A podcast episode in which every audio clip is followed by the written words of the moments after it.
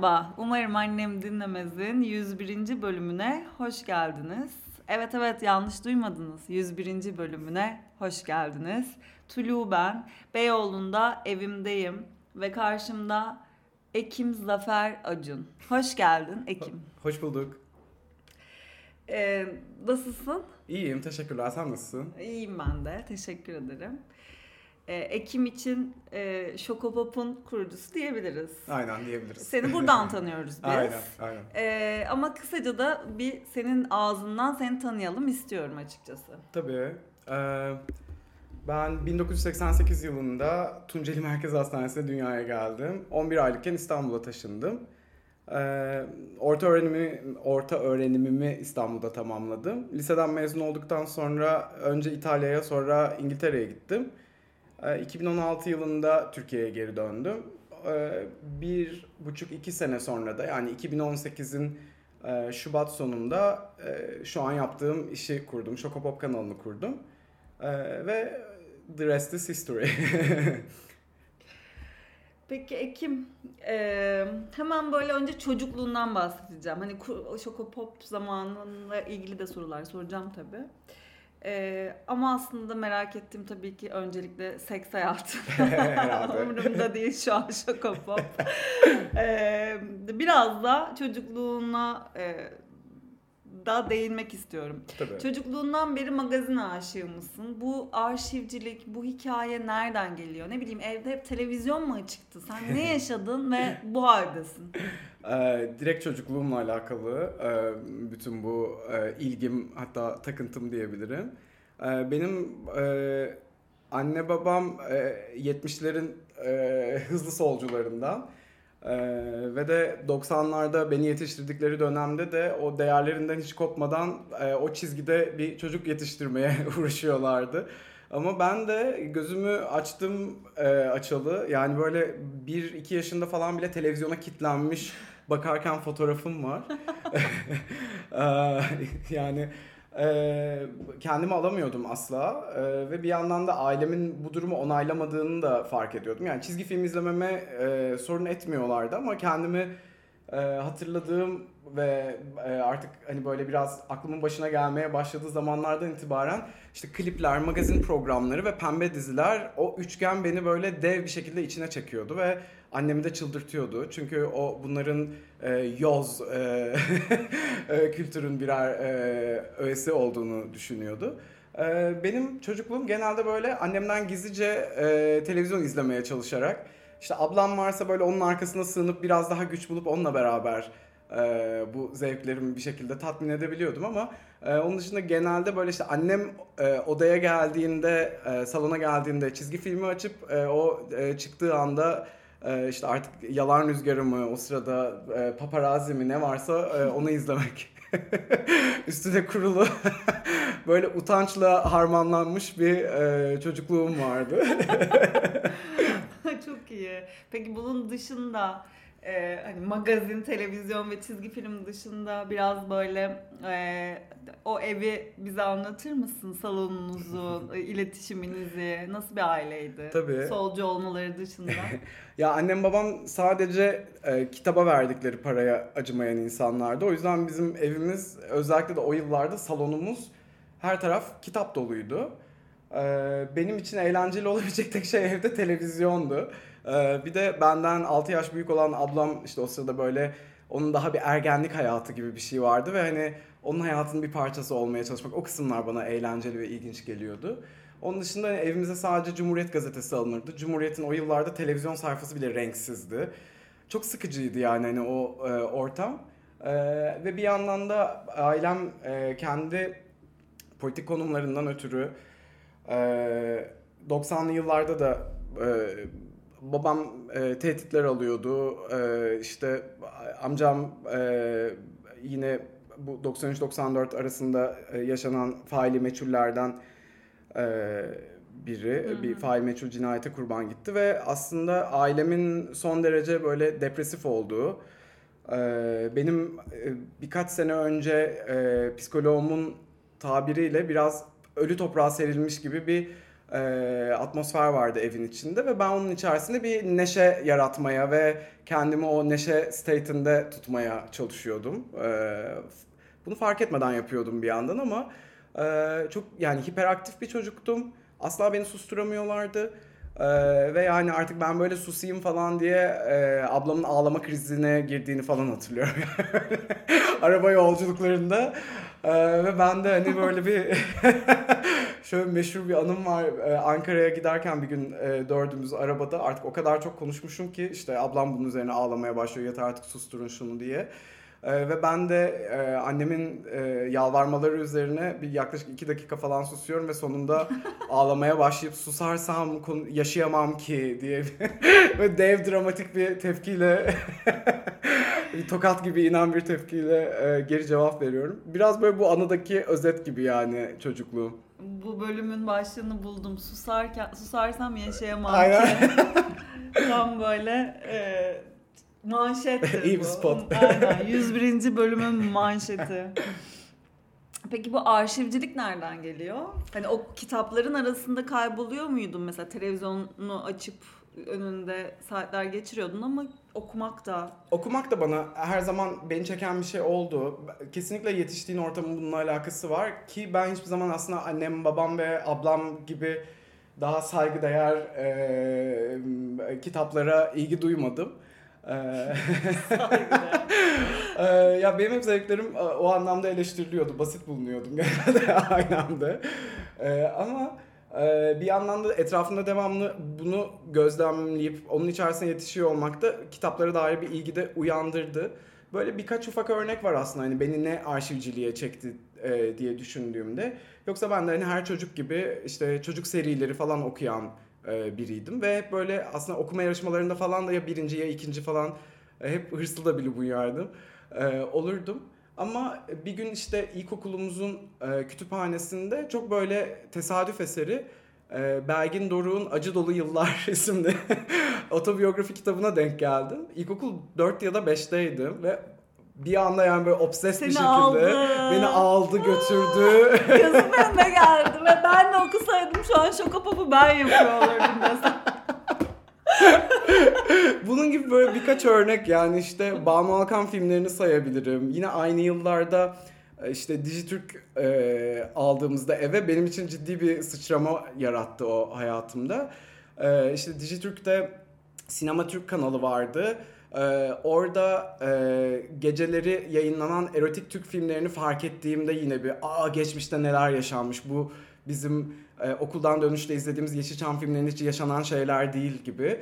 O nokta yine böyle bir dikkatimi celbetmişti. Hemen o zaman bu araya bir soru sıkıştırıyorum. İlk izlediğin, okuduğun erotik şey hatırlıyor musun? Tabii. Ee, ilk e, bu Dijitürk'ten önceki dönemde yani ben herhalde ilkokul 4'te 5'te falanım e, bir uydu yayınımız vardı. E, ve orada Venus TV diye bir kanal vardı. Böyle logosu da muhteşem böyle kırmızı e, küçük harflerle yazılmış bir Venüs yazısı ve arkasında böyle sere serpe uzanmış e, sarışın ve dolgun bir hanımefendi ve aşırı iyi gözüküyordu yani böyle görseli ve kanalda aslında pek bir şey göstermiyorlardı. Çünkü hani sanırım paid versiyonunu mu almanı istiyorlardı. Hani öyle bir şey vardı ve devamlı böyle ufak fragmanlar dönüp sonra da Venus diye böyle o şey dönüyordu böyle logo dönüyordu.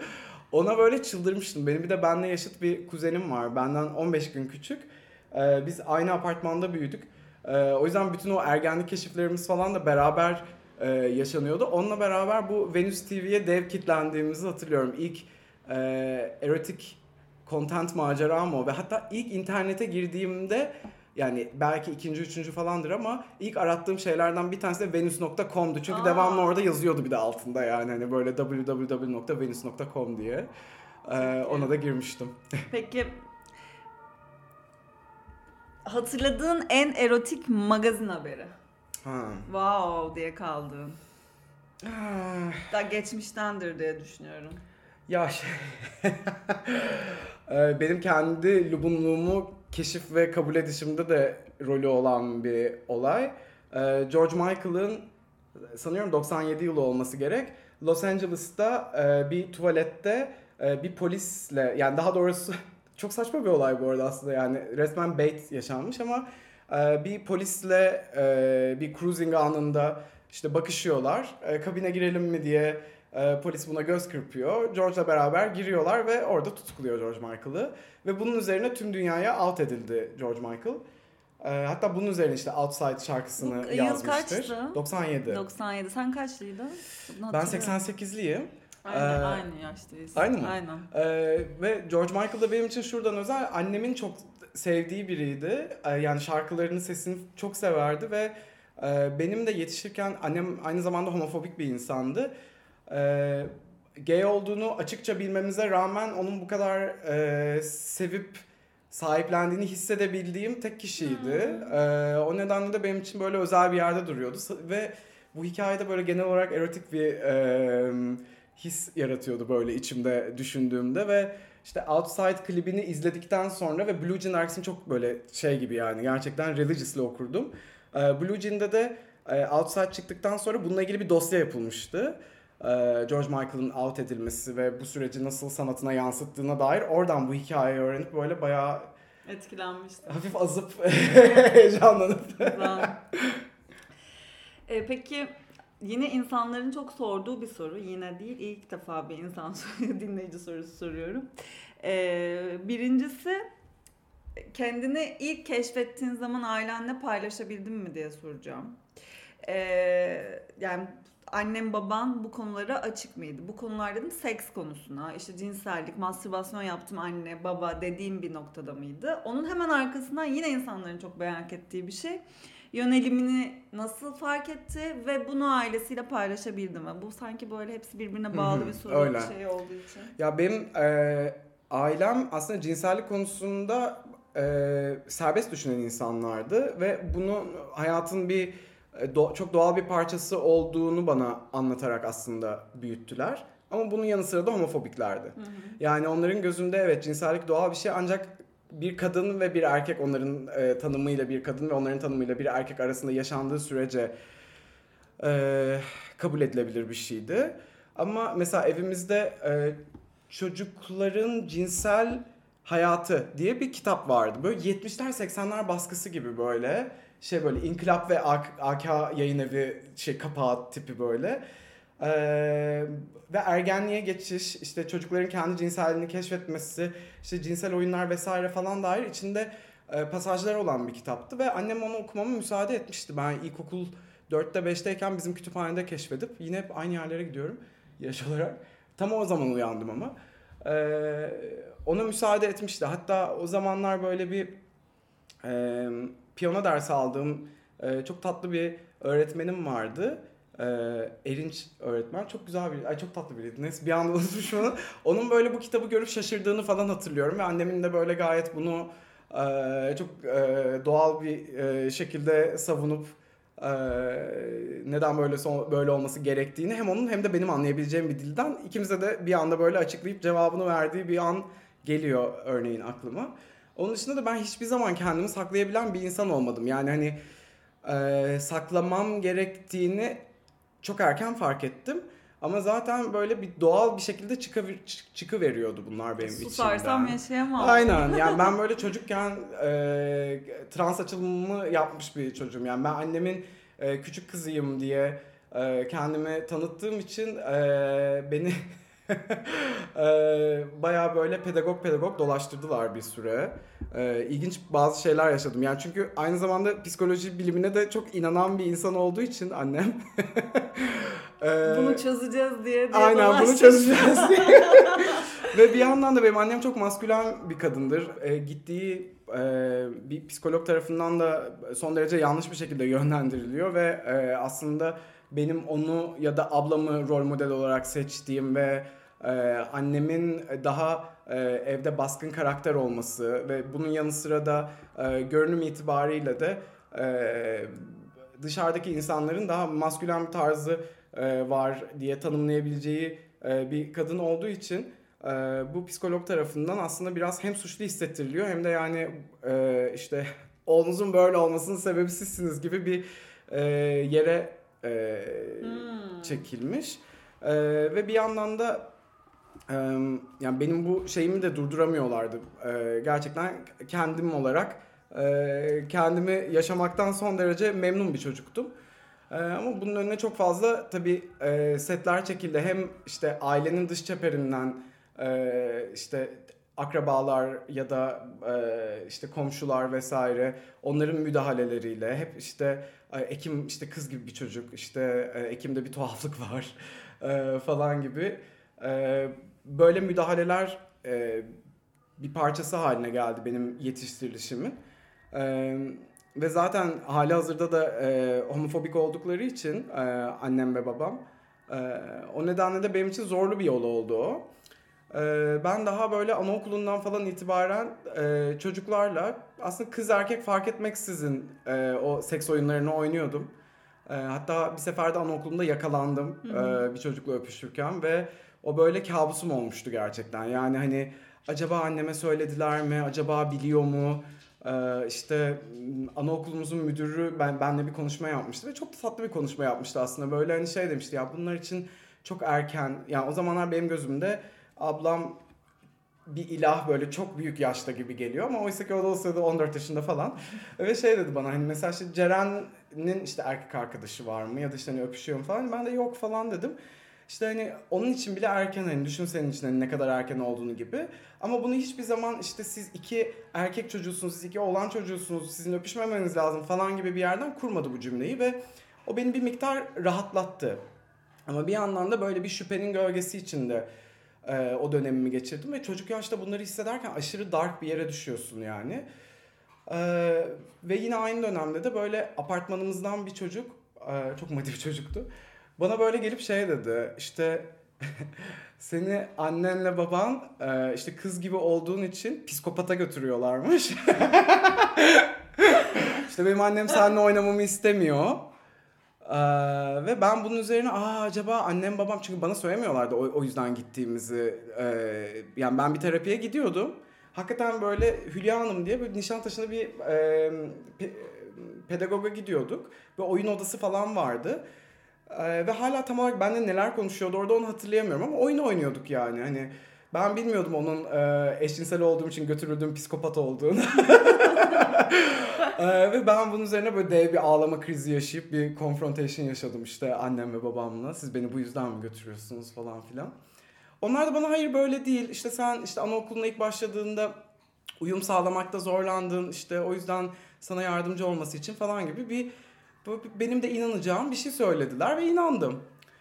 Ee, daha sonrasında da e, yine aynı şekilde yani ilkokul hayatım boyunca da işte hani bu top kelimesi, e, ibne kelimesi hep peşim sıra geldi. E, yeri geldiğinde bundan kurtulmak için benim de e, benden daha zırıl başka çocuklara bunu bir bully olarak uyguladığım oldu. Utanç verici. E, ama e, yani genel olarak böyle bir şey zorlu bir yoldu bayağı. Ee, ve bir yandan da kendimi tutamayan bir çocuktum. Ee, Yaşam, cinsel erişimde yani çok yaşamak istiyordum hmm. ve asla ben her zaman çok böyle cesur birisi oldum ve hiç kendimi tutmadan bir ikinci düşünceyi çok da aklıma getirmeden terazi burcu olmama rağmen hareket edip yapıp ondan sonra sonucunu görmek gibi bir şey üstünden hmm. gidiyordum. Ve yani e, ergenlikle beraber o şey açılınca e, yani bir anda işte o şişenin e, kapağı açılınca böyle diye bir e, fışkırarak geldi. E, tüm yaşıtlarımdan daha önce e, o iğrenç tabirle kamışa su yürüdü. ee, ve ben bunu böyle şok olmuş bir şekilde e, babama gösterdim. İşte galiba annemle babam aynı anda göstermem annem beni babama mı yönlendirdi falan böyle bir, bir an tuhaf bir şeyler yaşandı. Ee, onlar bana ya bu doğal falan ben biraz erken falan gibi bir şeylerdendi. Çok hızlı kıllandım, tüylendim. Ben de okulda beden dersinde işte gördükleri için orman diye dalga geçmeye başladılar. Ve böyle bunu kızların da yanında yaptıkları için çok kötü hissettim kendimi. Çünkü onların hepsi benim kankamdı ve böyle rezil olmuş falan gibi hissediyordu.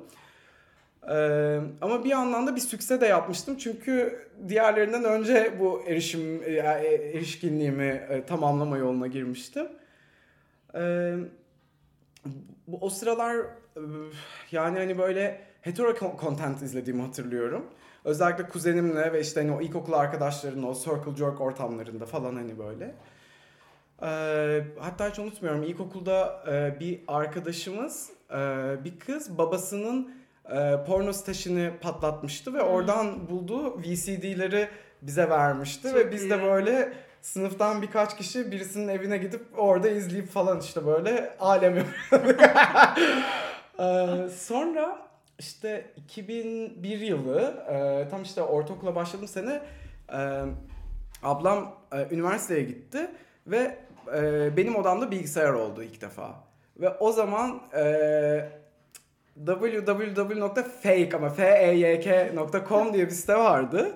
E, ve orada böyle hem hetero content hem gay content hem trans her şey vardı böyle. E, ve orada işte böyle ilk defa e, e, gay pornoyla karşılaşıp işte önce galiba hikayelerdi falan ve böyle hani hands free bir şekilde bir tatmine ulaşıp falan böyle ne oluyor Allah'ım sana geliyorum falan diye. Ee, sonra bu durdurulamaz bir hale dönüştü. Ee, ve aslında ailemin de fark edip işte bence ergen yetiştirmek bu yüzden çok zor olsa gerek. Yani anlıyorlar ama böyle bir yandan da o sınırı da çok aşmak istemiyorlar. Ama e, ne zaman ki babam e, benim izlediğim contentin e, eşcinsel içerikli olduğunu fark etti o zaman e, problem başladı. Ha. Ee, çünkü onun Yüzleşme. öncesinde aynen öyle. Ee, yani böyle işte şeydi bunları mı izliyorsun falandı. Ben "E, yok merakımdan işte baktım hani bu da onların arasından bir şey falan gibi açıklamaya çalıştım. İyi öylesi çünkü hani bunlar hiç doğru şeyler değil işte e, filmlerde e, bunları işte e, yanlış gösteriyorlar, yanlış mesajlar veriyorlar gibi bir konuşma yaptı benimle. Ee, ve ben zaten onların bu düşüncede olduğunu bildiğim için bundan ötürü yani zaten korkum buydu. Düşündüğümden daha okey geçti o konuşma. Ardından iki olay oldu. Bir tanesi biz o zamanlar e, Dawson's Creek izliyorduk işte annem ben ve ablam delice. Annem de bizimle izliyordu onu ve o da çok seviyordu. Ee, ve orada işte Jack karak- karakteri vardı. Jack e, gay olarak açılmıştı. Ee, ve sonrasında üniversiteye başladıklarında da bir profesörüyle ama böyle dev hat bir profesörüyle böyle aralarında bir çekim vardı ve bir gün böyle bir araba sahnesinde böyle bir açıldılar birbirlerine ama böyle öpüşme falan bile yaşanmadı ki zaten 2000'ler başını hatırlayanlar bilir. Ee, Amerikan networklerinde de e, çok az görünürlük ol. Yani hani böyle e, öpüşme sahnesinin olması falan çok e, nadir şeylerdi. Ee, ve o işte aralarındaki o arabadaki sahne yaşanırken annem bir anda yani bugün olsa böyle A Haber izleyicisi ağzıyla denebilecek bir şekilde işte Amerika bunları böyle popüler e, işte programların içine koyup insanların beynini yıkamaya çalışıyor. Yanlış mesajlar veriyor falan gibi böyle bir tirat çekmişti. Ben de böyle yani biliyorum e, eşcinsel olmanın okey olduğunu biliyorum. Trans olmanın okey olduğunu biliyorum ve bunun çok doğal bir şey olduğunu da biliyorum. Fakat bunu asla anlatamayacağım bir yerde yaşıyorum ve ben oranın şartları altında yaşamak zorundayım ve buna itaat etmek zorundayım gibi bir psikolojiye girdim. Ee, Ne zaman bunun zorunluluk olmadığını fark ettin? yani daha zorunluluğa gelemeden kendi kendimi patlattım. Çünkü aynı senenin birkaç ay sonrasında e, annemler bir süre boyunca yoklardı. İşte üniversitede ablamın yanına Ankara'ya gittikleri için. Ben de o yaşlarda böyle telefon sapıklığı e, çok yapardım. Ve böyle işte daha öncesinde işte ablamlarla böyle işte komik geyikli işte böyle telefon işletmeleri yapıp onları telefona şey, aman kasete kaydetme falan gibi e, şeylerimiz varken ben bunu ya bu erotik bir şekilde de yapılabilir falan diye böyle bir ampul yandı. o evde tek başıma olduğum sıralarda. Bir tek işte anneannem geliyordu ve akşamları bende kalıyordu. Evleri de bize çok yakındı. Anneannem de hiçbir şeyin farkında değil yani tatlım. Ee, ben böyle bir numara buldum ve o adamla bayağı böyle birkaç gün her gün konuştuk. Ve ben kendimi e, 24 yaşında bir üniversite öğrencisi Esra diye tanıtıyorum. Ve böyle bayağı işte fon seks yapıyoruz. Ve sonra annemler döndüklerinde e, ve bu adam bir şekilde Caller ID ile bizim telefonu buluyor. Bu arada bu da özel bir ayrıntı. Caller ID'nin Türkiye'de ilk yaygınlaşmaya başladığı sene 2011, ay 2001. ve patladım.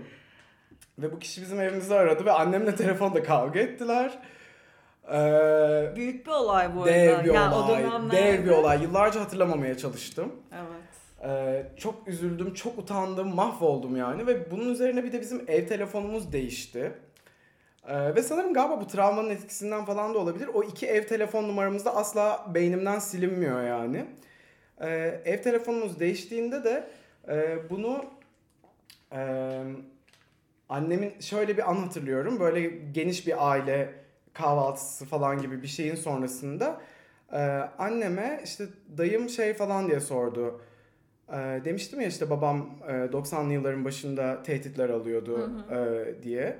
E, ya işte e, tehdit mi alıyorsunuz o yüzden mi telefonu değiştirdiniz gibi bir şey söyledi ve ben bir gerçeği biliyorum. Ben e, phone sex yaptığım birisi tarafından patlatıldığım için telefon numarası değişmek zorunda kaldı ve benim yüzümden değişti o telefon ve annem orada bir yalan uydurdu ve o anı hatırlıyorum. Çok ağır bir yük idi.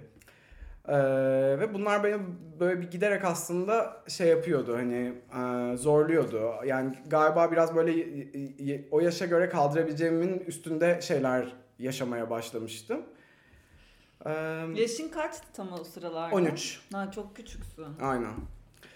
Ee, Ama tam bunları yaptığımız yaşta. işte. Aynen öyle. Ve hani dediğim gibi ben de hem erken uyanan hem de biraz cesur da bir çocuk olduğum için devamlı aranıyordum yani hani. Sonra işte bu fon şey bitti. ICQ'dan sonra biriyle tanıştım. Sonra işte o yaşlarda ilk cinsel deneyimim oldu. Yani bayağı işte 13'ün yazında oldu. Ee, sonra 14'te oldu. Sonra bunlar hiç iyi yani aslında işte istismar edildim aslında ama Ha. kendim e, o oyunu başlattım. O yüzden de yıllarca bunun istismar olduğunu anlayamadım. Hmm. Ama Allah'tan ben bunların hiçbirini paylaşmamama rağmen e, gayet e, zannediyorum hem hisleri açık hem de hani zeki insanlar olduğu için e, annem de babam da E, ve annem özellikle işte başta bahsettiğim gibi e, psikoloji okumak istemiş, okuyamamış, hani çok ilgisi olan bir insan bu konuya.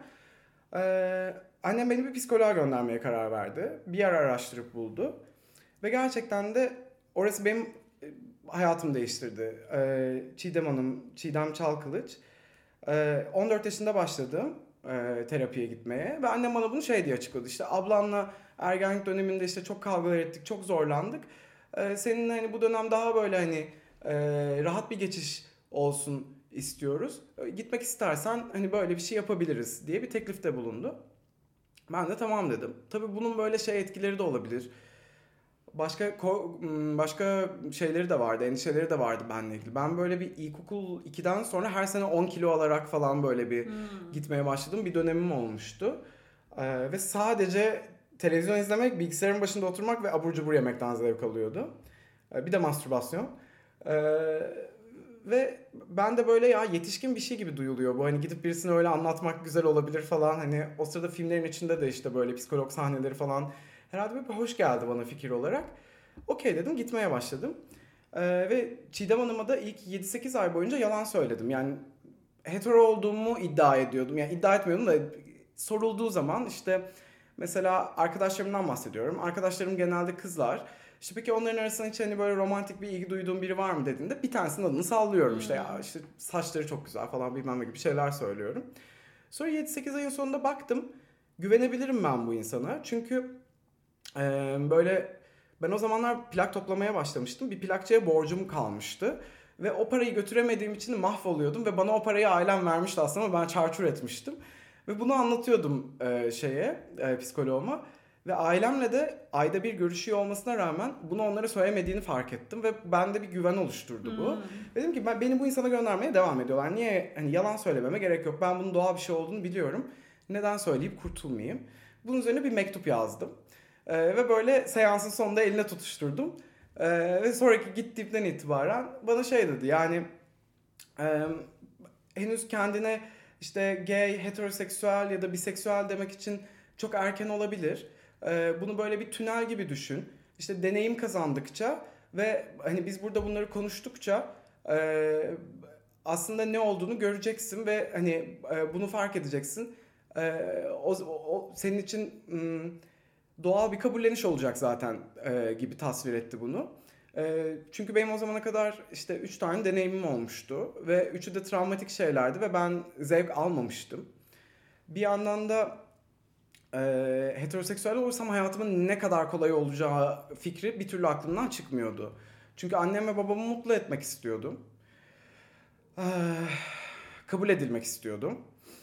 Eee, O nedenle de e, çok istiyordum yani heteroseksüel olmayı. Ama bir yandan da şöyle konsörlerim vardı. Aynen.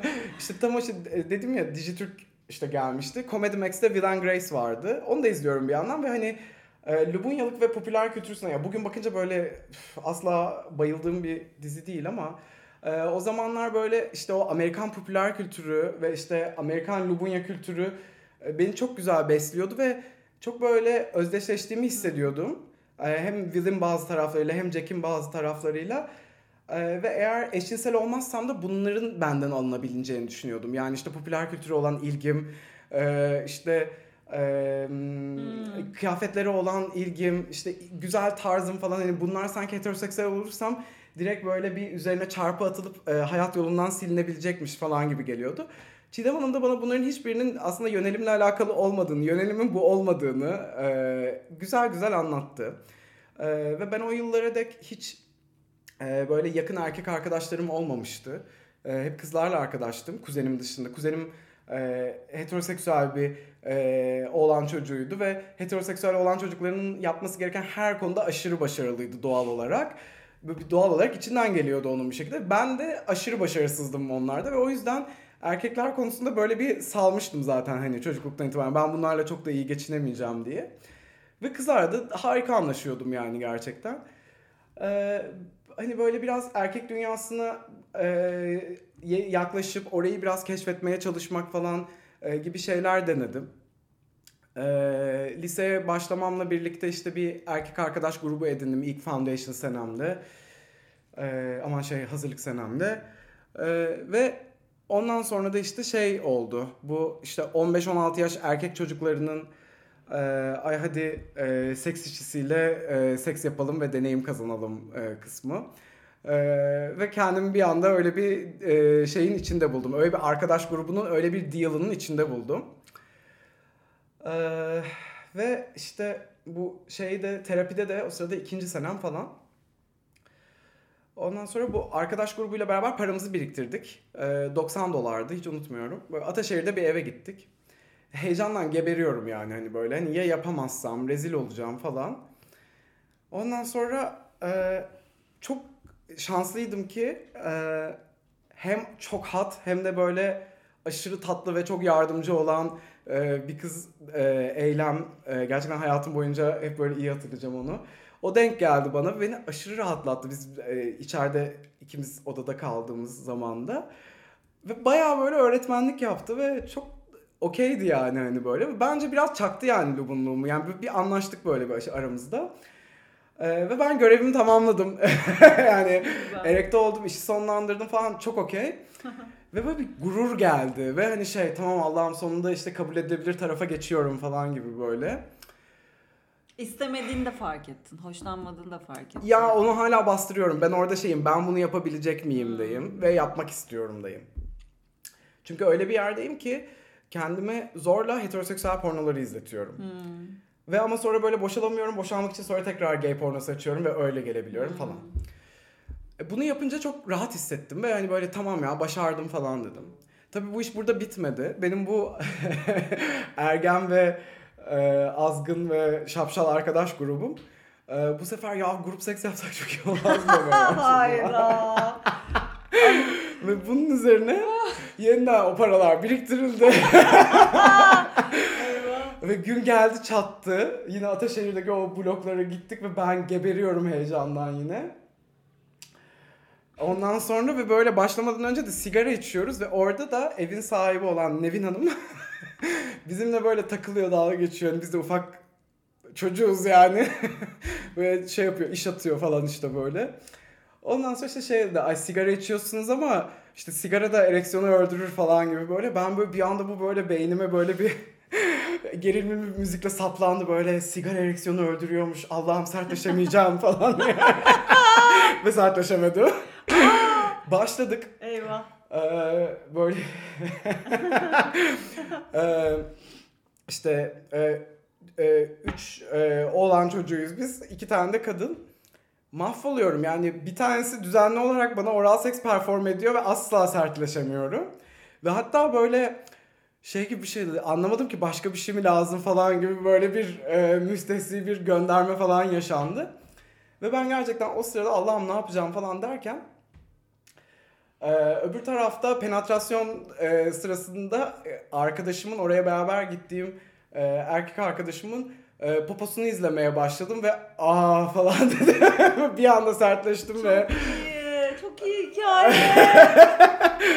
bayağı bir şimşekler çaktı. Sonra böyle o gün oradan çıkarken aşırı confused'um yani böyle gerçekten hani daha doğrusu şöyle arkadaşlarımla o durumu handle etme konusunda confused iken artık kendi cinsel yönelimim konusunda e, karmaşıklığım tamamen gitmişti. E, ve zaten ertesi seansta da Çiğdem Hanım'a gittim dedim ki ya ben gayim. e, bence benim bunun sonrasında çok da denememe gerek yok. Sadece hani bundan sonra da beni iyi hissettirecek e, ve benim termlerimde olabilecek gay ilişkileri deneyimlemek istiyorum dedim. Ee, sonrası da öyle gelişti. Sonra annene babanın karşısına çıkıp ben gayim dedin mi yoksa hala demedin mi? Demedim hala. Ee, işte o, O, dönem... zaman gerçekten umarım annem dinlemez mi? Yok şu an biliyorlar. ha hala. Ama yine de umarım annem dinlemez. Şöyle oldu aileme açılmam. İlk ablama açıldım. Ee, 16 ya da 17 yaşımdayken, henüz lisedeyken açıldım. Ee, ve çok tatlıydı onun tepkisi. Ee, ben biliyordum zaten dedi. İşte ne zaman e, acaba kendin farkında mısın, ne zaman bana söylersin diye bekliyordum dedi. Ben çocukluğundan beri biliyordum falan dedi. Ve böyle hani şey falan da hani anneme babama ne zaman hazır hissedersen o zaman söyle. Çok güzel, çok yapıcı bir konuşmaydı ve çok iyi hissettim kendimi. Sonrasında annem ve babama söyleme konusunda hep ikircikliydim. Terapide de bu çok sık konuştuğum bir şeydi. Ee, ve korkuyordum gerçekten tepkilerinden. Ama e, üstünden hani zaman geçmeye başlayıp işte ben üniversiteye başladım. Ee, üniversite zamanında ilk sevgilim oldu. Hatta o ilk sevgilimi eve işte arkadaşım olarak kahvaltıya falan da götürdüm. Çünkü onun evinde de çok sık kalıyordum. Ee, ve ardından işte ben İngiltere'deyken e, annem e, yanıma gelmişti. E, ve bir gün böyle artık ben ona söylemeliyim. E, zaten geliyordu yani bu düşünce devamlı aklımdaydı. E, çünkü ben İngiltere'ye özellikle taşındıktan sonra aslında ne kadar içselleştirilmiş bir homofobiye sahip olduğumu, kendimi ne kadar sevmediğimi, ne kadar kendimi kabul etmediğimi, ne kadar dış dünyaya endeksli yaşayıp e, tüm sözcüklerimden hareketlerime, seçeceğim e, giysi parçalarına kadar her şeyin bunu yönlendirdiğini fark etmeye başladım. E, ve o uyanışla birlikte anneme de bunu yeter artık ne olursa olsun söyleyeceğim dedim. Annem oradayken anneme açıldım. Annem de bana dedi ki ben hep biliyordum. e, bana ne zaman söyleyeceğini bekliyordum. Ama e, babana söylemeyi düşünüyor musun? Evet dedi. Ondan sonra ya belki işte baban anlamayabilir. İşte ne de olsa işte baban başka bir e, işte geçmişten geliyor. Yani şey diyor baban köylü baban anlamayabilir. Ben şehirliyim ben anlarım. Ya beni o kadar kötü hissettirdi ki bu söylediği. Çünkü hala bu annemin aslında bunun kabul edilemez bir şey olduğunu düşünmesini düşündüğünü gösteriyor. Bir taraftan evet. Bir taraftan ve öbür taraftan da anneme ben açılıp annemden bu tepkiyi aldıktan sonra annemin çocukluğum boyunca beni bu noktada ne kadar utandırdığını ve baskıladığını hatırladığım her şey böyle bir geri gelmeye başladı. Ya bir de işte 14 yaşında terapiye başlayıp on and off 8 yıl gidince benim zaten o bütün erken dönem hatıralarımın hepsi çok hızlı bir şekilde çağrışabiliyorlar bana. Çünkü çok yoğunlaştım onların üzerine düşünmeye, çalışmaya. Ve bütün bunların hepsi gelmeye başladı ve ben annemden e, ergenliğimde hiç olmadığım kadar böyle bir öfke hissetme, bir nefret etme, aynı odada 15 dakika kavga etmeden duramama falan gibi bir faza girdim. O sıralarda başka kötü şeyler oldu hayatımda. İşte ilk sevgilimden ayrıldığım travmatik bir deneyimdi. Ee, işte İstanbul'a tatile geldiğimde Dolapdere Bit Pazarı'nda su aldım bir tane ve o sudan dizanteri kaptım. Ee, böyle 3 hafta yattım falan. Bağışıklık sistemim çöktü.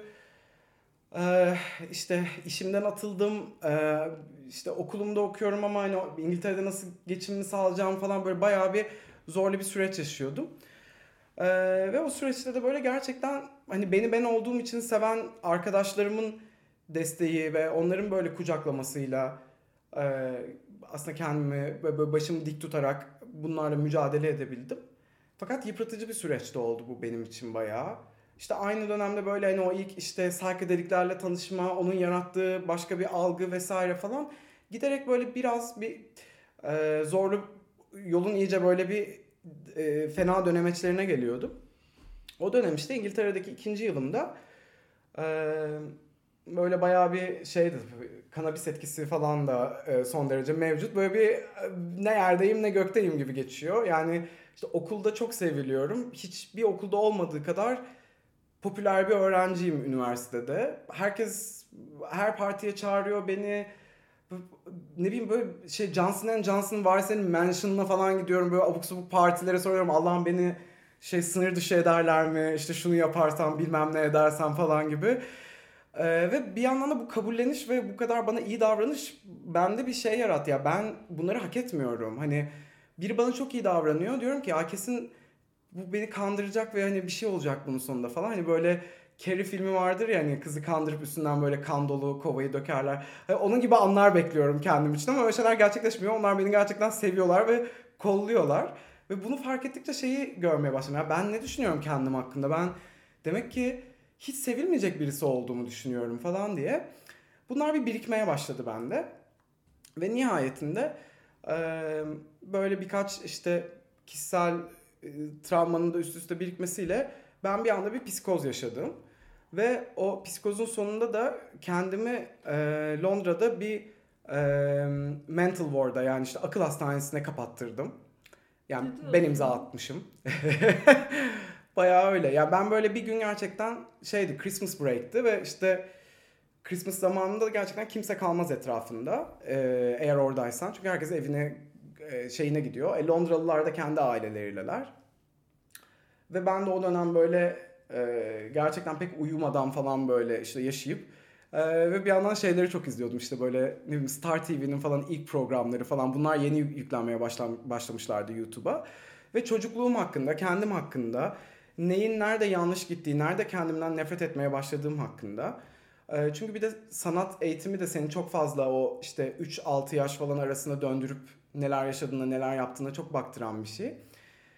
Ee, ve böyle bu bende bir insomnia'ya dönüşüp sonunda da bir gün ben gerçekten hayatı çözdüğümü zannedip sokağa çıkıp bunu insanlara anlatmaya başlayıp e, böyle işte dükkan dükkan, e, pub pub falan dolaşıp bunları insanlara anlatırken e, Allah razı olsun hiç sonra da bir daha görmedim. Çok tatlı bir Lubunya çift e, beni e, işte yardım ister misin diyerek e, bir ambulans çağırıp e, gönderdiler. Gerçekten. Ee, ve ya bu benim böyle hayatımın bir dönüm noktası oldu ve çok iyi bir deneyim oldu benim açımdan. Çünkü gerçekten galiba ben bunu yaşamasam kendi zincirlerimi hiç kıramayabilirdim. Ee, ve oradayken e, benim annemin e, Tunceli'den çok yakın bir arkadaşı Songül abla anestezist olarak çalışıyordu Londra'da. Onun yardımlarıyla e, beni buldular hastanede. Yani ben gittim kendimi hastaneye kapattırdım. Sonra kayboldun mu? Evet. Senden haber alınmadı. Çünkü ben hastaneye gitmeden önce dışarı çıkıp herkese e, hayatın anlamını açıkladığım o bir gün boyunca e, telefonumun şeyini e, eski telefonlardan da işte pilini çıkartıp çöpe attım. Ee, ve hani etrafımda ailemin tanıyıp da ulaşabileceği ve bana orada ulaşabilecek bir arkadaşım da o sırada Londra'da yok. Ee, tabii annemler çok korkmuşlar ve çok üzülmüşler. Ee, Songül abla oradaki tüm hastaneleri araştırıyor. Ee, ve e, beni buluyorlar. Yani şöyle oldu benim için. Ben bir yere gittim. Orada böyle bir e, mülakat yaşandı. Bir doktor ve onun asistanıyla beraber. E, işte ben hani neler düşünüyorum ve neden oradayım onun üzerine konuştuk ve bana sonra dedi ki hani bu düşünceler çok sağlıksız düşünceler. E, ve hani şu anda bir e, psikoz nöbeti geçiriyor olabilirsin.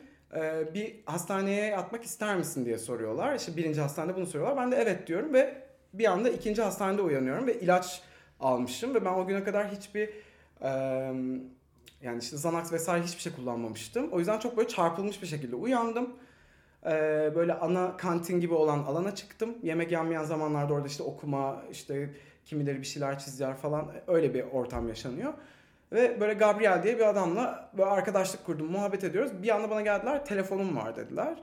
Ve bir gittim böyle telefonda annem ve böyle ağlıyor falan böyle. İşte ben de yani üzüldüm tabii ağlamasına ama bir yandan hani iyiyim ben falan diyorum.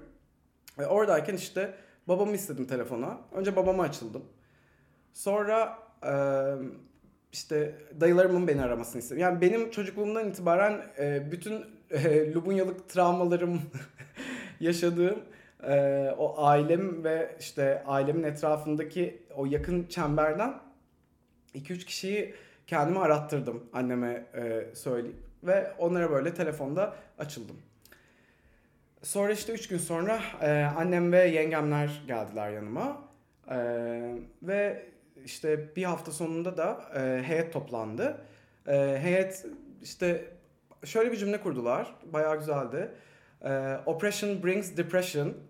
E, ve hani benim yaşadığım depresyonun aslında tamamen benim bütün bu baskıları tamamen içselleştirmem e, üzerinden ve bunun artık baş edemez hale gelmem üzerinden e, yaşandığını ve yani bundan sonrasında da e, hayatıma devam edebileceğimi rahatça söyleyip beni taburcu ettiler. Annem ve e, babamın da bunun sonrası için şartı ki onlar aslında artık oradan döndükten sonra e, bir daha İstanbul'dan gitmememi istiyorlardı. Ama ben çok istediğim ve bir de İngiltere'ye gidebilmek için çok savaş vermiştim ben. Yani benim babam okutmadı orada, dayım okuttu. E, ailemin maddi durumu bunu karşılamak için yeterli değildi ve ben benim üniversitem yani İngiltere'nin en iyi e, film okulunu kazandım ve ben çok istediğim ve oraya çok emek vereceğimi de baştan onlara çeşitli sözlerle vaat ettiğim için beni göndermişlerdi. Hani o şans elimden gitmek üzereydi. Ve ben de çok ısrarcı oldum. Ve şey dediler hani burada e, bizim seçeceğimiz, beraber karar vereceğimiz bir psikiyatrla e, görüşüp e, beraber gidip geldikten sonra eğer o da e, gitmesinde bir sakınca yok derse o zaman e, gidip dönebilirsin dediler. Ve ben hakikaten bütün bir şey içinde Christmas Break'in devamı ve bir hafta daha sırasında bayağı bu süreci yaşadım yani. Önce kendim haftada 3 çok yoğun bir şekilde Ayten Hanım'a gittim geldim. Sonra annem babam ben olarak e, seanslara gittik. E, ve çok özeldi gerçekten yani böyle özel itiraflar yaşandı. Annemden babamdan da beklemediğim şeyler duydum. E, onların özelliği olduğu için hani söylemeyeceğim şeyler ama gerçekten böyle dürüst bir ortak paydada buluştuk ve ben onu hemen kabullenemedim o sırada ve hala onlara karşı çok öfkeliydim. Çünkü onların beni o hale getirdiğini düşünüyordum. Ee, ve beni e, gerçekten de çok yaraladıklarını düşünüyordum e, çocukken ve ben hep e, the good boy olmaya çalıştım ömrüm boyunca. Benim ablam çok daha böyle isyankar ve işte hani ailede o çıkıntılıkları yapabilen çocukken bana da şey rolü düştü yani. Aman annem babam üzülmesin. Aman onların istediği gibi bir çocuk olayım. Aman harika bir çocuk olayım. Ay burcum da oğlak benim. Yani çocukluğum gerçekten çocuk bir çocuğun sorumlulukları neyse onları yerine getirip o kutuları tik atmakla geçti. E, öyle olup e, işte 20'lerin başında da aklın başına gelip bunları fark ettiğinde dev bir, bir öfke patlaması oldu. Ama Ayten Hanım da e, benim İngiltere'ye gitmemde ve eğitimime devam etmemde bir sakınca olmadığını söyleyince e, dönebildim. Ve gerçekten de bu deneyim sayesinde benim ilk defa birkaç senemizi aldı ama e, ailemle aramda gerçekten e, bir samimi sevgi ve kabullenişi yaşadığım, hissettiğim dönem başladı. Hiç böyle bir şeyler dinleyeceğimi beklemiyordum. Çok ilginç bir program oluyor benim için. Yani şu anda bu program bitmiştir arkadaşlar. Hikayeni dinleyip kapatmak istiyorum. Yani inanılmazmış ya Ekim. Biraz e, ilginçti yani. İlginç, ilginç. Aynen. İlginç gerçekten. Şimdi ben ne bundan sonra ne Boş ver next. Of. Yani sonraki sorum şu. Artık böyle eee yani sonrasını sorayım önce. Tamam Hı. hadi şimdi direkt şeye girmeyeyim muhabbete. Sonra eee, o okulunu bitirdin, Bitirdim. döndün ve buradaki hayatına devam edebilirsin. Biraz hikayeni dinlemeye Şöyle devam oldu. edelim. Sonra işte okulda okulun psikoloğu vardı. Ee, gittiğimde işte onunla görüştüm. Normalde böyle okulun psikoloğu seninle bir ya da üç seans arasında görüşme yapıp seni uygun kişiye yönlendiriyor. Ama ben böyle o zamana kadar o kadar yorulmuştum ki bütün bu hikayeyi baştan baştan anlatmakla. Kadına bayağı ilk seansın sonunda yalvardım yani. Beni göndermeyin ben sizinle devam edeyim. Çünkü zaten hani İngilizce evet çok iyi konuşuyorum ama ilk defa bunları İngilizce anlatmam gerekiyor. Ve tekrar baştan baştan ben bunu yaşamak istemiyorum. Bu bana zarar verecek. Hissedebiliyordum onun beni Hmm. e, soğutacağını bu deneyimden. Ve o da çok anlayışlı biri çıktı gerçekten de. Ben o bir sene boyunca da onunla orada terapiye devam ettim. Okulum çok okey gitti sonrasında. Ee, ve yani iyi bir dereceyle mezun oldum. Okul arkadaşlarımla çoğuyla da hala görüşüyorum. Çok iyi bir deneyimdi benim için İngiltere. Özellikle yani öğrencilik dönemim sırasında çok iyiydi. Okuldan mezun olurken de Ankara Anlaşması yaptım ve freelancer olarak orada hayatımı sürdürmeye devam ettim. Film okullarının şöyle bir güzel yanı var. Ee, ekip çalışması yaptığınız için herkes devam birbirine iş paslar. O yüzden hani aç da kalmıyordum. Mesleğimle ilgili işler de geliyordu. Ama bir yandan da orada geçimimi sürdürebilmek için yani öyle bir zamanım vardı ki 2014 sonu 15'in başında ben aynı anda freelance olarak 5 tane işte birden çalışıyordum ve hani artık böyle haftamın bir gününü falan bile kendime ayıramayacağım zamanlarım olmaya başlamıştı. Ve şey dedim kendime yani ben ne yaşıyorum gerçekten? Hani bir yandan e, sinemaya da işte e, işte video art vesaire falanla ilgili gelen bana gelen işlerin hepsi operatörlük işleri. E, tabii niye bana hani kreatif bir şey versin diye tanımadıkları bir insana. E, bir yandan işte yabancı olarak ve hani e, çok böyle sınırlı bir network sahibi olarak da orada senin istediğin şeyleri yapmak daha zor. Ve ben öğrencilik hayatımda okulum o kadar serbest bıraktı ki gerçekten yapmak istediklerimi keşfetmiştim artık o sırada. Yani tezimi işte Türk sinemasında kadın cinselliğin evrimi üstüne yazdım ve Türkan Şoray case study'si üstünden onu böyle çalışıp yaptım. Onun öncesinde bunu Türkiye'deki erotik dönem üzerine yazmak istiyordum. Hocamın yönlendirmesiyle böyle bir şey çevirmiştim. Biliyordum yani ben Türkiye popüler kültürüyle ilgili bir şeyler yapmak istiyorum ve bu benim işim yani. Hani okulda hep iyi e, not aldığım işlerimin hepsi, parlayan işlerimin hepsi bu e, tema içindeki şeylerdi. Ve onu İngiltere'de gerçekleştirmek zor. Yani onun audience'ı asıl olarak burada. E, bu düşünceyle de bir yerden sonra ailemin tüm itirazlarına dönme buraya demelerine de rağmen e, çıktım 2016'da döndüm Türkiye'ye. E, sonrasında tesadüf sonucu LinkedIn'den bir ilanla e, Kanal D'nin, Net D'nin o sırada açtığı YouTube kanalları zincirine kurgucu olarak girdim. E, ve böyle bir YouTube dünyasını keşfettim. E, benim onun öncesinde de yani kendi işte Ekim Acun diye bir YouTube kanalım ta 2007'den 8'den beri falan vardı.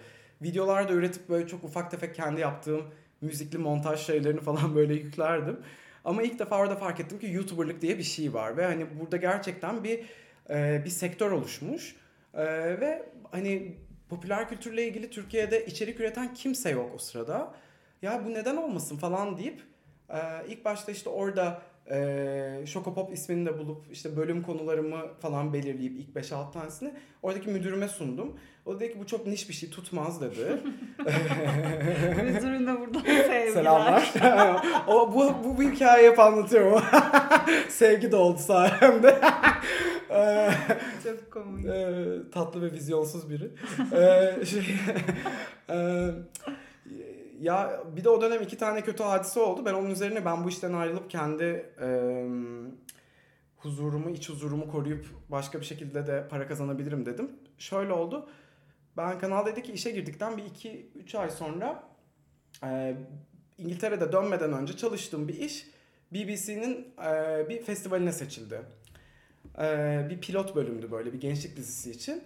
E, ve e, ben de onun üzerine işte biletimi aldım gittim. Çok güzel geçti falan.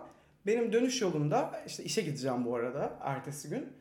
Ee, uçak bir anda işte şeye inmesi gerekiyordu. Atatürk Havalimanı'na inmesi, inmesi gerekiyordu. Bir anda işte Esenboğa'ya iniyoruz diye bir anons yapıldı. Benim yanımda da unutmuyorum işte Tayvan'da bir kız oturuyor. Ben de kıza şey dedim. O sıralar işte o e, korku tüneli denen dönem bu işte. Devam bombalar patlıyor. Ben kastikli kesin bir bomba patladı falan dedim böyle kendi kendime. Sonra da işte kız dedi ki niye Ankara'ya iniyoruz falan. Bir de onun transit şeyi var. E, uçuşu var. Hmm. Ben ki ya e, bu aralar çok bomba patlıyor Türkiye'de öyle bir şey yaşanmış olabilir. Kız benim yanımda dev bir krize girdi. Sonra onu sakinleştirmeye çalışıyorum. Merak etme hiçbir şey olma bunlar. Bunlar hayatın bir parçası falan böyle. Sonra gerçekten Esenboğa'ya indik. Meğer şeymiş silahlı çatışma olmuş o gün. E, havaalanında. Havaalanında. E, ve de bizi böyle Türk Hava Yolları bayağı siktir etti ve otobüslerle falan İstanbul'a dönmek zorunda kaldık. Böyle rezalet. Ve ben onun üstüne bir de çıkıp işe gitmek zorunda kaldım. Ee, onun üstünden daha yeni böyle bir 3 hafta 1 ay belki geçmişti geçmemişti. Ee, önce şirkette yediğim, e, yemekhanede yediğim bir e, yemekten zehirlendim. o zehirlenmiş halimle beni vicdan yaptırıp benim de salaklığım yani bugün olsa asla yapmam da ee, bir aptal bir Pokemon Go videosunu tamamlamak üzere beni ofise götürttüler. O gün işten çıktım. Arkadaşlarımla buluşmaya Taksim'e geldim ve 15 Temmuz darbesi oldu. Ve 15 Temmuz'da benim çalıştığım yere girdiler. Yani nette işte Kanal D o bina aynen bizim Ha, katımıza girdi. ne diyorsun sen? Ve sonra bizi yaklaşık 6 ay boyunca o kırık kapıyla çalıştırdılar. Kırık kapının yanından geçip giriyorduk. Ee, camları patlamış. Ee, ve e, işte tabii her gün kabineden birileri gelip e, Doğan Medya'yı e, demokrasiden yana tavır aldıkları için tebrik ediyordu. Sonra bu da yetmezmiş gibi bir de üstüne İnce Eviner'e e, müthiş bir video wall sipariş ettiler ve hani böyle devasa bir büyüklükte ve e, sanırım yani 30 ya da 50 ekrandan oluşan e, askerlerin ve halkın çalıştığımız binaya giriş anından oluşan böyle abstrakt saçma sapan bir iş yerleştirildi oraya. Ve ben artık dedim ki bu işin boku çıktı. Ben ne yapıyorum burada? Zaten karın oklar çalışıyorum. Aynen yani benim buradan acilen gitmem lazım ve gittim. Ve Şokopop. Ve Şokopop. Aynen. Peki. Ee, Şoko, Şokopop'la ilgili hani ilk merak ettiğim şey, benim merak ettiğim bir şey bu. Ee, neden maskeli başladın buna, bu işe? Ya ben bu işi yapmak istiyordum. Fakat nasıl yapabileceğimi bir türlü çözemiyordum. Şimdi e, kanalların bir yüzünün olmasının engagement'ı çok arttırdığını fark etmiştim NetD'de çalışırken ve beraber çalıştığımız YouTuber'lara da bu yöne dair öneriler hep e, veriliyordu. Ve çok böyle dikkatli biriyimdir yani özellikle ilgimi çekiyorsa. O yüzden de hani böyle bir şey olması gerektiğini düşünüyordum. Böyle bir animasyon bir karakter mi olsa ama sonra onu nasıl her seferinde değiştirebilirim falan gibi düşünceler geçiyordu bir yandan aklımda. Bir yandan da e, şimdi ben freelance olarak zaten sektörün içinde işler yapıyordum o sırada. Yani işte ne bileyim yemek videoları, işte ne bileyim çeşitli tatil köylerinin bilmem ne Instagram story videoları falan gibi şeyleri editleyip öyle geçimimi sağlıyordum. E, CV'm birçok yerde var. E, şimdi ben bunu kalkıp da bir Ekim Acun diye bir kanalla ya da işte Ekim merhaba işte ben e, şimdi size işte Gülben'le Seren'in hikayesini anlatacağım diye girersem e, iş imkanlarımın önüne geçilebilir diye düşündüm. Yani eğer bu iş benim elimde patlarsa yarın öbür gün e, başvurularda insanlar adımı Google'ladığında Hmm. bu şey çıkabilir, önüme engel oluşturabilir. Ayrıca Türkiye karanlık bir ülke, birileri gelip topuğuma sıkabilir. Ya da işte o sıra zaten işte Seren Serengil yeni hapse git, e, gönderilmişti. Belki hapse atılırım falan gibi böyle korkularım vardı. Umarım annem dinlemezde de YouTube'a koymamamın sebebi birileri suratıma bakıp 31 çekmesi. Korkular böyle çok fazla var. Varlar yani Evet. ve haklı sebepleri var. yani bir yandan da işte o çocukluğumdaki o popüler kültür sevgimden utandırılmanın da kesinlikle ve onu içselleştirmenin de bence bir hem bir etkisi var içinde ama hem de onu dönüştürücü bir şey haline geldi. Ve bir gün böyle ben Kadıköy'de oturuyordum o zamanlar böyle vapurdan inip e, eve doğru yürürken güven sanatın oradan geçerken bu beyaz maskeler dikkatimi çekti. Aa aslında bu olur ya falan dedim böyle. İşte boyama falan derdim de olmasın. Her seferinde hani bir değiştire değiştire kullanayım ya da rengini değiştiririm falan gibi bir düşünceyle öyle evde alıp kendi kendime işte kamerayı tripoda koyup falan önüne geçip işte bir de maskeyle elim kolumu sallayarak anlatırsam ses kaydımı istediğim gibi kullanırım mı uyanıp e tamam ben bu işi böyle başlatayım deyip başladım. Ama aslında ilk ilk çıkış noktam yani ilk iki hafta falan o kadar anonim değildim. Yani benim o zamanlar Ekim Acun diye bir kendi kişisel pardon şantaj montaj da o zamanki hesabımda eski mahlasım. Ee, Instagram hesabım vardı ve ya çok takipçim yoktu hatırlamıyorum kaç takipçim vardı ama belki nearly bin diyelim en fazla. Ve oradan falan böyle story atıp e, Şokopop Instagram'ına hani işte hmm, dükkan açtım işte beklerim falan filan diye şeyler atmıştım. Sonra bu bir hafta içinde bir anda bir şeylere dönüşmeye başladı ve benim kimliğimi korumam lazım. E, kişisel Instagram'ımı kapatmam lazım. Bundan sonrası böyle deyip o tam anonim yola girdim ve iki yıl öyle devam ettim. İki yıl gizledin kimliğini. Evet. Sonra bir TED konuşmanda, TED konuşmasında a- a- açtın. İfşa ettim kendimi. İfşa ettin. Yani bir onu konuşurken sonrasında mı açtın? Tam bilmiyorum. Konuşmanın ilk e, bir dakikasını maskeli yapıp sonra çıkarttım. Çok havalı. Çok havalı. Tatlı Bayağı. bir deneyimdi, Evet. güzeldi. Ben iyi ki yaptım diyorum. Bana hala böyle oradan buradan keşke maskeni e, açmasaydım falan gibi şeyler söyleyen insanlar var ama yani benim yaptığım iş e, içeriğinden ötürü önemli. e, popüler kültürü benim bakış açım ve bizim bir ekip olarak sahiplendiğimiz bakış açısıyla, o yorumla ve o o bilgiye değer veren e, ve bir yandan da diğer başka hiçbir popüler kültürü e, popüler kültüre eğilen yayının gözetmediği hassasiyetleri gözeterek yapıyor olmam Şokopop'u Şokopop kılan şey. Yoksa benim orada maske takıyor ya da takmamam değil. Yani bence o çok basit bir aşaması. Kim bu acaba hani kısmı. Zaten sürüklesen sürüklesen nereye kadar gider? Evet. Etet konuşması çok havalı bir şey. Çok. Benim ilk videom Gülben Ergen Seren Serengil videosuydu. O gün orada Gülben Ergen de konuşmacıydı. Bu faktörler bir araya gelip o maskenin de aşırı derecede terletmesi ve zorlaması, o ses efektini canlı olarak çok yapmanın zor olmasıyla bir anda o gün içerisinde ben Karar konuşmanın verdim. başında maskemi çıkartmaya karar verdim ve yaptım gitti. İyi yaptın. Bence Çok de. iyi. Mutlusun şu Mutluyum. an değil mi? Aynen. Ee, ben direkt yataktaki e, sevdiğin şeyleri, fantezileri, sorulara geçeceğim. Programın birinci saatindeyiz. Evet ve gerçekten bir saatte bütün hayat hikayeni akıcı bir şekilde anlattın. Konuşmayı Ve seviyorum. etkileyiciydi de. Ee, TED konuşman kadar etkileyici olmayabilir. Ee, o yüzden biraz hızlı hızlı sana Tabii, hızlı tabii. sorular soracağım. Ee, yatakta fantezilerin var mı? Tabii. Herkes gibi. Bize anlatmak istediğin fantezilerin var mı? Yani ben her şeyi severim. yani e, role play'dir, işte e, çamaşırdır, e, aksesuardır, çoraptır, toydur her şey. E, genelde yani okey olmadığım çok az şey var. Keşfetmeyi ve eğlenmeyi seven biriyim. Onu fark ettim hatta arada böyle birkaç sorum vardı yani seni tanıdım ve o soruları "Sa- şu an çok saçma falan sildim. Anında kendini e, ifade edebildiğim bir, bir saat oldu. E, kamusal alanda sevişme tecrüben var mı? Var. Varsa biz de bunları da duyalım. Nerelerde seviştin? En özeli hangisiydi? Unutamadığın seks hikayen ne? Bunları da bir sıralarsan Ay bize. çok var. yani public e, tabii işte şey aslında 20'lerimin başında İngiltere'de olmam da benim için güzel bir avantaj oldu.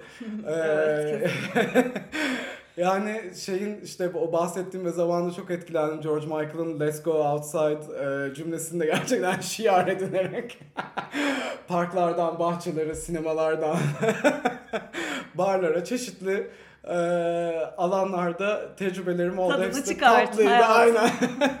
bir defa e, Londra'da o zamanki eski sevgilimle polise yakalanmak üzere olduğumuz bir e, sefer olmuştu. Çok heyecanlıydı ve paçayı da yırttığımız için tatlı bir deneyim oldu.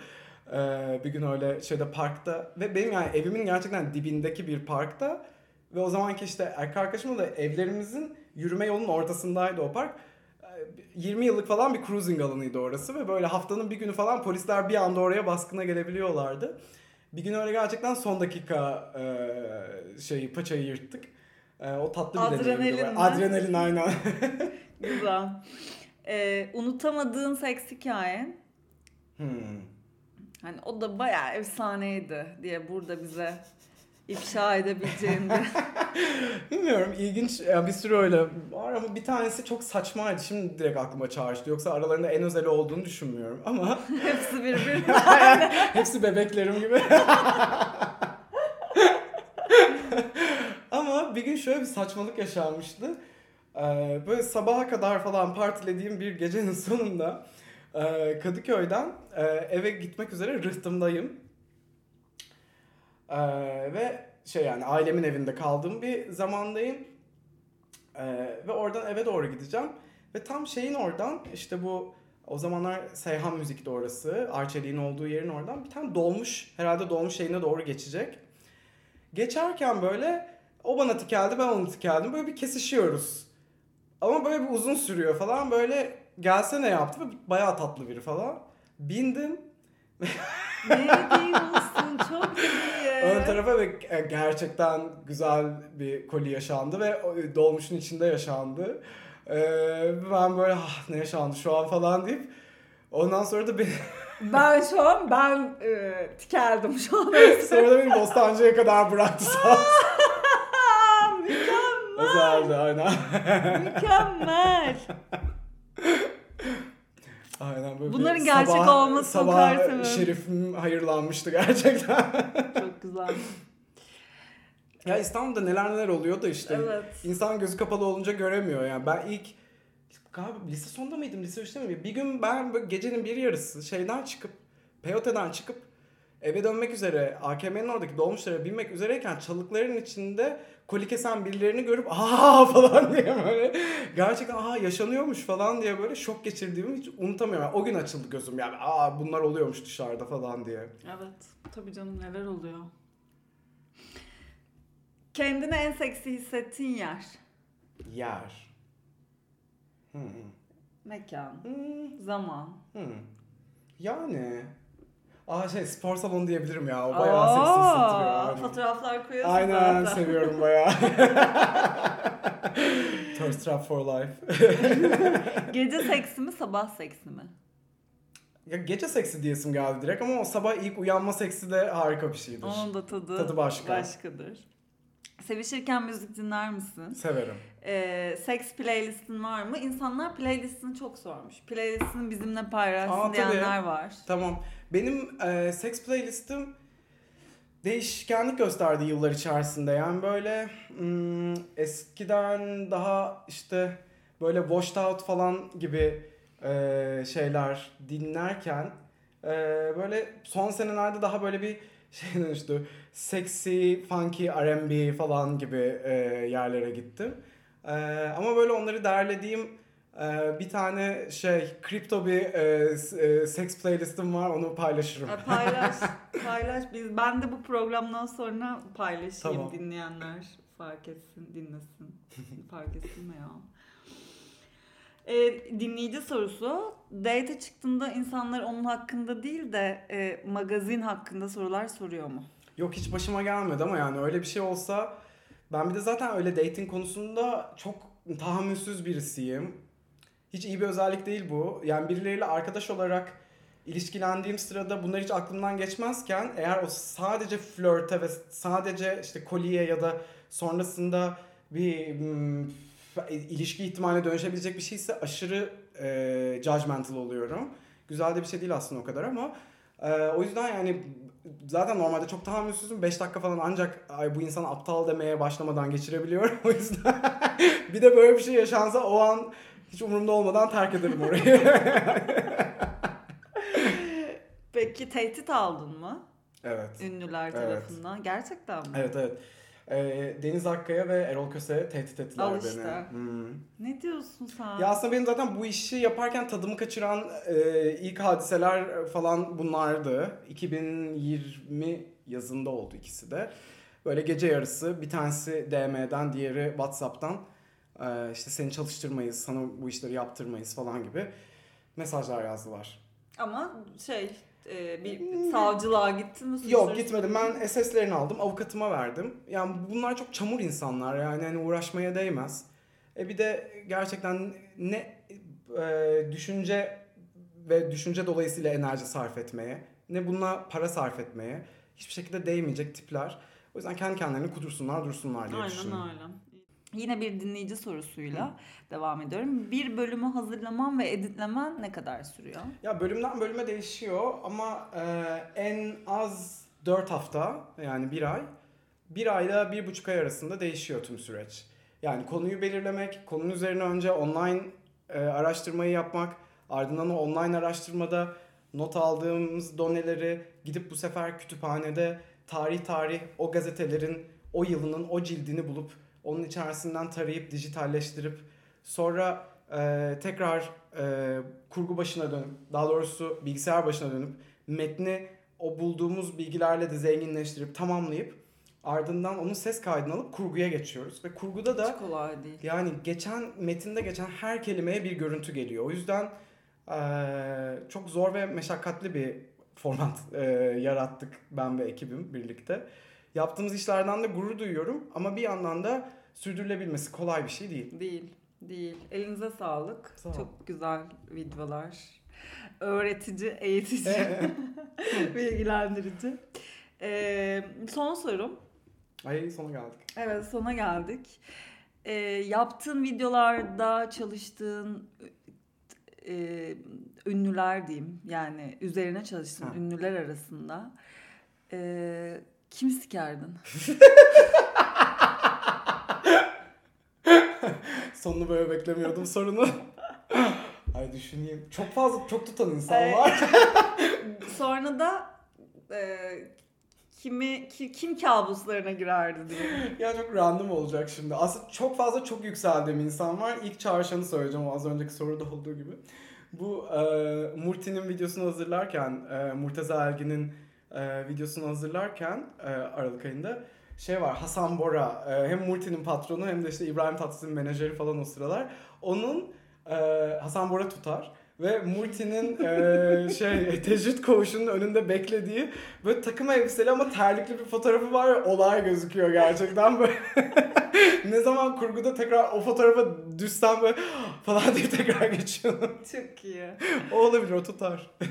Tutmaz, tutmayan kim? En tutmayan. Hmm. İbrahim Tatlıses. Aynen öyle. Peki bu program bitti arkadaşlar. bir çırpıda geçiverdi. Umarım dinlerken sıkılmazsınız ve umarım sanmam. annelerinize dinletmezsiniz. Bunu dinletmeyebilirler bu arada. Neyse bitti bu program arkadaşlar.